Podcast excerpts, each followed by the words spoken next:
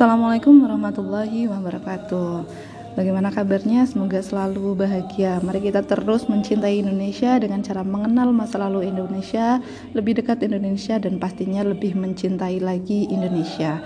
Pada pertemuan kali ini atau pada kesempatan kali ini saya bakalan share ber, uh, berkaitan dengan bagaimana proses perpindahan dari masa Orde Lama ke Orde Baru atau pada masanya Soekarno ke Soeharto atau bisa disebut akhir masa kekuasaan Soekarno seperti itu ya. Jadi setelah gerakan G30S dapat ditumpas berdasarkan berbagai bukti yang berhasil dikumpulkan di belakang gerakan G30S dituding berdiri PKI sebagai dalangnya. Hal ini menimbulkan kemarahan dari rakyat. Bentrokan fisik antara masyarakat yang setia dengan Pancasila dan Undang-Undang 45 dan masa PKI terjadi di Jakarta dan di berbagai daerah di seluruh Indonesia. Sementara itu, untuk mengisi kekosongan kekuasaan Angkatan Darat, jadi kan Angkatan Darat itu ketuanya Ahmad Yani, sedangkan Ahmad Yani itu menjadi salah satu dari tujuh perwira yang meninggal ya dalam peristiwa G30S. Maka pada tanggal 14 Oktober 1965, Panglima Maijen Soeharto diangkat sebagai Menteri atau Panglima Angkatan Darat. Bersama dengan itu diadakan tindakan-tindakan pembersihan terhadap unsur-unsur PKI dan ormasnya. Masyarakat luas yang terdiri dari berbagai partai politik, organisasi massa, perseorangan, pemuda, mahasiswa, pelajar, kaum wanita, secara serentak mereka itu membuat suatu kesatuan aksi yang disebut sebagai Front Pancasila. Untuk apa? Untuk menghancurkan pendukung G30 G30S dan meminta penyelesaian politis terhadap mereka yang terlibat dalam G30S. Kesatuan aksi yang muncul saat itu misalnya ada kami ya berarti kesatuan aksi mahasiswa kemudian KAPI kesatuan aksi pemuda pelajar Indonesia KASI kesatuan aksi sarjana Indonesia kemudian ada KAGI kesatuan aksi guru dan lain-lain nah kesatuan-kesatuan ini tergabung dalam namanya Front Pancasila ya. Kemudian dikenal juga sebagai uh, angkatan 66 jadi namanya itu ada Front Pancasila dan angkatan 66 ya. Beda penyebutannya kayak G30S lah ya. Ada yang bilang Gestapo kayak gitu. Sementara itu keadaan perekonomian itu ternyata semakin lama semakin buruk barang-barang untuk keperluan sehari-hari semakin susah untuk didapat dan harganya pun semakin tinggi sehingga inflasi tidak dapat dielakkan lagi. Lah untuk mengatasi hal tersebut pemerintah akhirnya mengambil suatu keputusan yaitu apa? Centering atau pemotongan nilai mata uang rupiah. Jadi dari uang yang seribu itu menjadi satu rupiah akan tetapi kenyataannya harga itu bukan semakin menurun malahan semakin tetap tinggi kayak gitu. Akhirnya para pemuda, mahasiswa dan pelajar yang tergabung dalam Front Pancasila tadi mengadakan demonstrasi di jalan-jalan raya. Pada tanggal 8 Januari 1966, mereka itu menuju ke gedung Sekretariatan Negara dengan mengajukan pernyataan bahwa kebijakan ekonomi pemerintah tidak dapat dibenarkan. Lah pada tanggal 12 Januari 1966, berbagai kesatuan aksi yang tergabung dalam Front Pancasila tadi berkumpul di gedung DPR GR. Untuk apa? Untuk untuk mengajukan tiga tuntutan atau disebut dengan tritura yaitu tiga tuntutan rakyat. Apa sih tritura itu? Yang pertama, mereka itu menuntut pembubaran PKI dengan organisasi masanya. Kemudian yang kedua ada pembersihan kabinet Dwikora dari unsur-unsur PKI. Jadi kabinet Dwikora adalah kabinet yang dibentuk oleh Presiden Soekarno ya pada masa demokrasi terpimpin. Kemudian yang ketiga penurunan harga-harga barang. Lah, kemudian pada tanggal 15 Januari 1966 ya karena masa meminta ini tadi teritura dan keadaan semakin genting akhirnya diadakan sidang paripurna kabinet Wikora dalam sidang itu hadir pula para wakil e, mahasiswa lah pada tanggal 21 Februari 1966 Presiden Soekarno mengumumkan perubahan kabinet perubahan kabinet ini adalah cara yang diambil Presiden Soekarno untuk apa? Untuk menenangkan masa yang pada saat itu yang pada saat itu tuh uh, demon, demonstrasi, demo yang da, yang tergabung dalam Front Pancasila tadi. Jadi tuntutan Tritura akhirnya dijawab oleh uh, Presiden Presiden Soekarno dengan cara reshuffle kabinet atau perubahan kabinet. Lah, perubahan kabinet ini dari kabinet Dwikora menjadi kabinet 100 menteri. Ternyata perubahan itu tidak memuaskan hati rakyat. Jadi mereka itu menolak ya, tidak suka dengan perubahan itu. Kira-kira kenapa? Karena ternyata perubahan kabinet ini tokoh-tokoh yang diduga terlibat dalam gerakan G30S masih ada di situ atau masih bercokol dalam kabinet yang baru, dalam kabinet 100 menteri itu. Nah, karena itu maka pada saat pelantikan anggota kabinet 100 eh, menteri yaitu pada tanggal 24 Februari 1966 para mahasiswa, pelajar dan pemuda itu memenuhi jalan-jalan menuju Istana Merdeka. Aksi itu dihalang oleh pasukan Cakrabirawa. Tahu lah ya pasukan Cakrabirawa itu berarti pengaman presiden.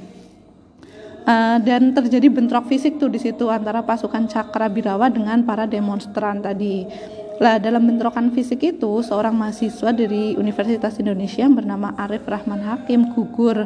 Lah justru ternyata gugurnya Arif Rahman Hakim ini memberikan semangat juang kepada para demonstran untuk menuntut perubahan dan perbaikan taraf hidup uh, bagi sebagian besar rakyat Indonesia. Jadi demonya malahan semakin uh, semakin besar lagi pada saat ada yang meninggal yaitu siapa? Arif Rahman Hakim. Untuk mengatasi krisis politik yang semakin memuncak, akhirnya pada tanggal 11 Maret 1966 Soekarno mengadakan sidang kabinet. Nah, sidang ini ternyata diboykot oleh para demonstran yang tetap menuntut Presiden Soekarno agar membubarkan PKI dengan melakukan pengem, pengempesan ban-ban mobil. Jadi demonstran itu melakukan ban, uh, pengempesan ban-ban mobil ya pada di jalan-jalan yang menuju istana. Lah, pada saat kondisi ini semakin memuncak semakin memuncak, akhirnya akhirnya di sini muncullah yang namanya Super Semar atau surat perintah 11 Maret. Jadi setelah dibahas uh, begitu lama, maunya dipikirkan begitu matang oleh Presiden uh, Soekarno, akhirnya Presiden Soekarno itu mau menandatangani surat perintah yang kemudian dikenal dengan surat perintah 11 Maret atau SP 11 Maret ya atau Super Semar. Nah, Super Semar ini sebenarnya berisi pemberian mandat kepada Letjen Soeharto sebagai Panglima Angkatan Darat untuk memulihkan keadaan dan kewibawaan pemerintah ya dalam menjalankan tugas, penerima mandat diharuskan melaporkan segala sesuatu kepada presiden. Mandat itu kemudian dikenal sebagai tadi ya super semar. Nah, keluarnya super semar itu juga bisa dianggap sebagai tonggak lahirnya Orde Baru. Nah, tindakan pertama apa sih yang dilakukan oleh Soeharto? setelah mendapat super semar lah besoknya setelah mendapatkan super semar besoknya itu berarti tanggal 12 Maret Presiden uh, maksudnya Soeharto itu membubarkan dan melarang PKI beserta organisasi masanya yang menau yang bernaung dan berlindung maupun uh, ataupun seasas dengan dengannya di seluruh Indonesia. Jadi yang dilakukan pertama kali oleh Soeharto setelah menerima Super Semar, surat perintah 11 Maret 1966, yang pertama adalah membubarkan PKI beserta organisasinya. Kemudian jadi pembubaran ini sebenarnya mendapat ya jelas ya mendapat dukungan dari rakyat karena dengan demikian salah satu dari teritura telah dilaksanakan. Selain itu, Legend Soeharto juga menyerukan kepada pelajar dan mahasiswa untuk kembali ke sekolah. Tindakan berikutnya berdasarkan Super Semar adalah dikeluarkannya keputusan Presiden nomor 5 tanggal 18 Maret 1966 tentang penahanan 15 orang menteri yang diduga terkait dengan pemberontakan G30S ataupun dianggap memperlihatkan itikat tidak baik dalam penyelesaian masalah. Jadi ada yang pertama tadi langsung itu ya membubarkan PKI, yang kedua itu menangkap menangkap 15 menteri yang diduga terkait dengan pemberontakan G30S. Kemudian demi lancarnya tugas pemerintah, Legend Soeharto mengangkat lima uh, orang menteri koordinator ya yang menjadi presidium kabinet. Dan di sini uh, karena kabinet yang dibentuk oleh Presiden Soekarno yaitu kabinet Dwi Kora itu kemudian berganti 100 menteri itu kabinet 100 menteri itu ditolak oleh uh, masyarakat akhirnya di sini MPRS itu uh, apa ya memberikan tugas kepada pengemban mandat Super Semar yang di sini adalah presiden bukan presiden ya pada saat itu belum jadi presiden yang pada saat yang saat itu pengemban Super Semar adalah uh, Soeharto untuk membentuk kabinet Ampera. Lah, kabinet Ampera ini tugas pokoknya adalah menciptakan stabilisasi atau stabilitas politik dan ekonomi sekaligus memenuhi isi tritura. Dalam menjalankan tugasnya, Kabinet Ampera menyusun program pokok yang disebut catur karya. Ya, coba kalian nanti cari deh catur karya itu empat empat apa ya empat isi dari program uh, Kabinet Ampera ya. Jadi Kabinet Ampera tugasnya apa sih? Jelas ya karena pada saat itu yang sedang bergejolak adalah politik ya politiknya banyak demonstran. Tentu yang menjadi tugas pokoknya adalah memberikan stabilitas politik dan ekonomi. Jadi ekonomi pada saat itu kan juga sedang hancur ya. Jadi tugas dua itu yang dijalankan dari kabinet Ampera lah, jadi pada saat di sini ada kabinet Ampera, kemudian ada Super Semar, muncullah namanya dualisme kepemimpinan. Maksudnya di sini tuh ada semacam dua pemimpin di Indonesia. Yang pertama adalah presiden yang masih di apa ya yang dijabat oleh Presiden Soekarno, tapi yang menjalankan ini pemerintahan itu ada ada pres, uh, ada Soeharto jadi Soeharto itu bukan presiden pada saat itu, tapi dia itu mempunyai wewenang selayaknya presiden seperti itu ya. Jadi ada dua dualisme kepemimpinan. Jadi masyarakat juga pada saat itu akhirnya terbelah menjadi dua golongan ya, ada yang pro dengan Soekarno, ada yang pro dengan Soeharto.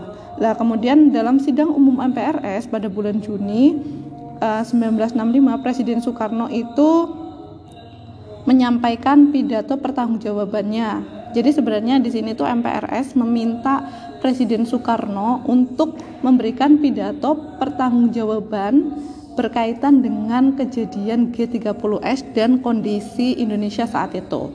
Ya. Jadi melalui ketetapan MPRS nomor 5 tahun MPRS tahun 1966 dia itu meminta Presiden Soekarno untuk membuat uh, pidato pertanggungjawaban. Akhirnya Presiden Soekarno memberikan pidato pertanggungjawaban yang namanya adalah Nawaksara. Nawaksara itu berarti nawa sembilan aksara itu uh, tulisan atau gagasan gitu ya. Jadi sembilan gagasan sebagai pidato pertanggungjawaban dari Presiden Soekarno yang dituntut oleh MPRS untuk mempertanggungjawabkan kejadian G30S. Di sini pasti kalian ini ya Uh, kenapa sih kok yang diminta pertanggungjawaban adalah Presiden Soekarno? Jelas karena kita kembali lagi ke belakang, kebijakan-kebijakan dari demokrasi terpimpin pada masa Presiden Soekarno itu memberikan ruang kepada PKI untuk masuk ke pemerintahan melalui apa? Melalui Nasakom kayak gitu ya. Jadi dia lebih uh, condong ke timur pada saat itu. Jadi kerjasamanya lebih ke Cina kayak gitu kayak gitu. Itu jadikan memberikan ruang kepada PKI ya dianggap memberikan ruang kepada PKI untuk berkembang di Indonesia. Makanya akhirnya dia itu menjadi orang yang harus mempertanggungjawabkan kejadian G30S ini. Lah pidato Nawaksara ini ditolak oleh MPRS ya. Jadi kenapa ditolak? Karena ternyata dari sembilan gagasan yang diutarakan oleh Presiden Soekarno itu tidak ada satupun yang menyinggung yang menyinggung bagaimana G30S itu bisa terjadi. Itu lebih bersifat ke himbauan-himbauan. Akhirnya MPRS itu meminta Presiden Soekarno untuk kembali memberikan uh, pidato pertanggungjawaban. Nah, di sini ada namanya pelengkap Nawaksara. Ya, jadi lah ternyata pelengkap Nawaksara itu juga ditolak Kenapa? Ya karena tidak menyinggung lagi, tidak menyinggung lagi uh, ini ya tentang kejadian G30S itu dan kondisi Indonesia kenapa bisa terjadi seperti itu. Tidak memuaskan MPRS lah bahasanya seperti itu ya. Nah, jadi setelah MPRS menolak isi pertanggungjawaban Soekarno, akhirnya DPR GR segera mengeluarkan memorandum untuk meminta MPR, MPRS melakukan sidang istimewa.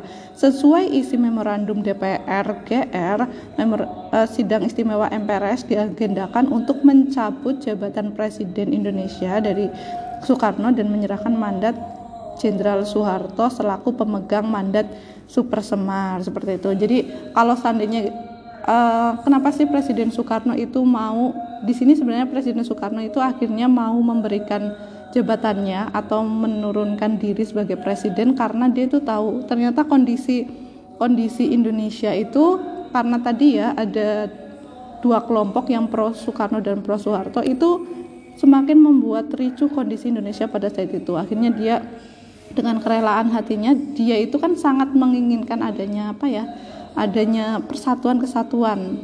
Akhirnya dia itu mengundurkan diri dan akhirnya pada tanggal 7 sampai 12 Maret 1967 MPRS mengadakan sidang istimewa ya yang menghasilkan ketetapan nomor uh, 33 MPRS 1967 melalui ketetapan tersebut MPRS menarik mandat Presiden Soekarno atas segala kekuasaannya dalam pemerintahan MPRS selanjutnya mengangkat Jenderal Soeharto sebagai pejabat presiden menggantikan Presiden Soekarno tugas pertama dari Jenderal Soeharto sebagai pejabat presiden adalah menyusun kabinet baru. Kabinet baru yang disusun oleh Jenderal Soeharto secara resmi menjadi presiden disebut kabinet pembangunan ya. Jadi kabinet pembangunan. Kalau pada masanya kabinet apa Ampera berarti dia belum jadi presiden ya.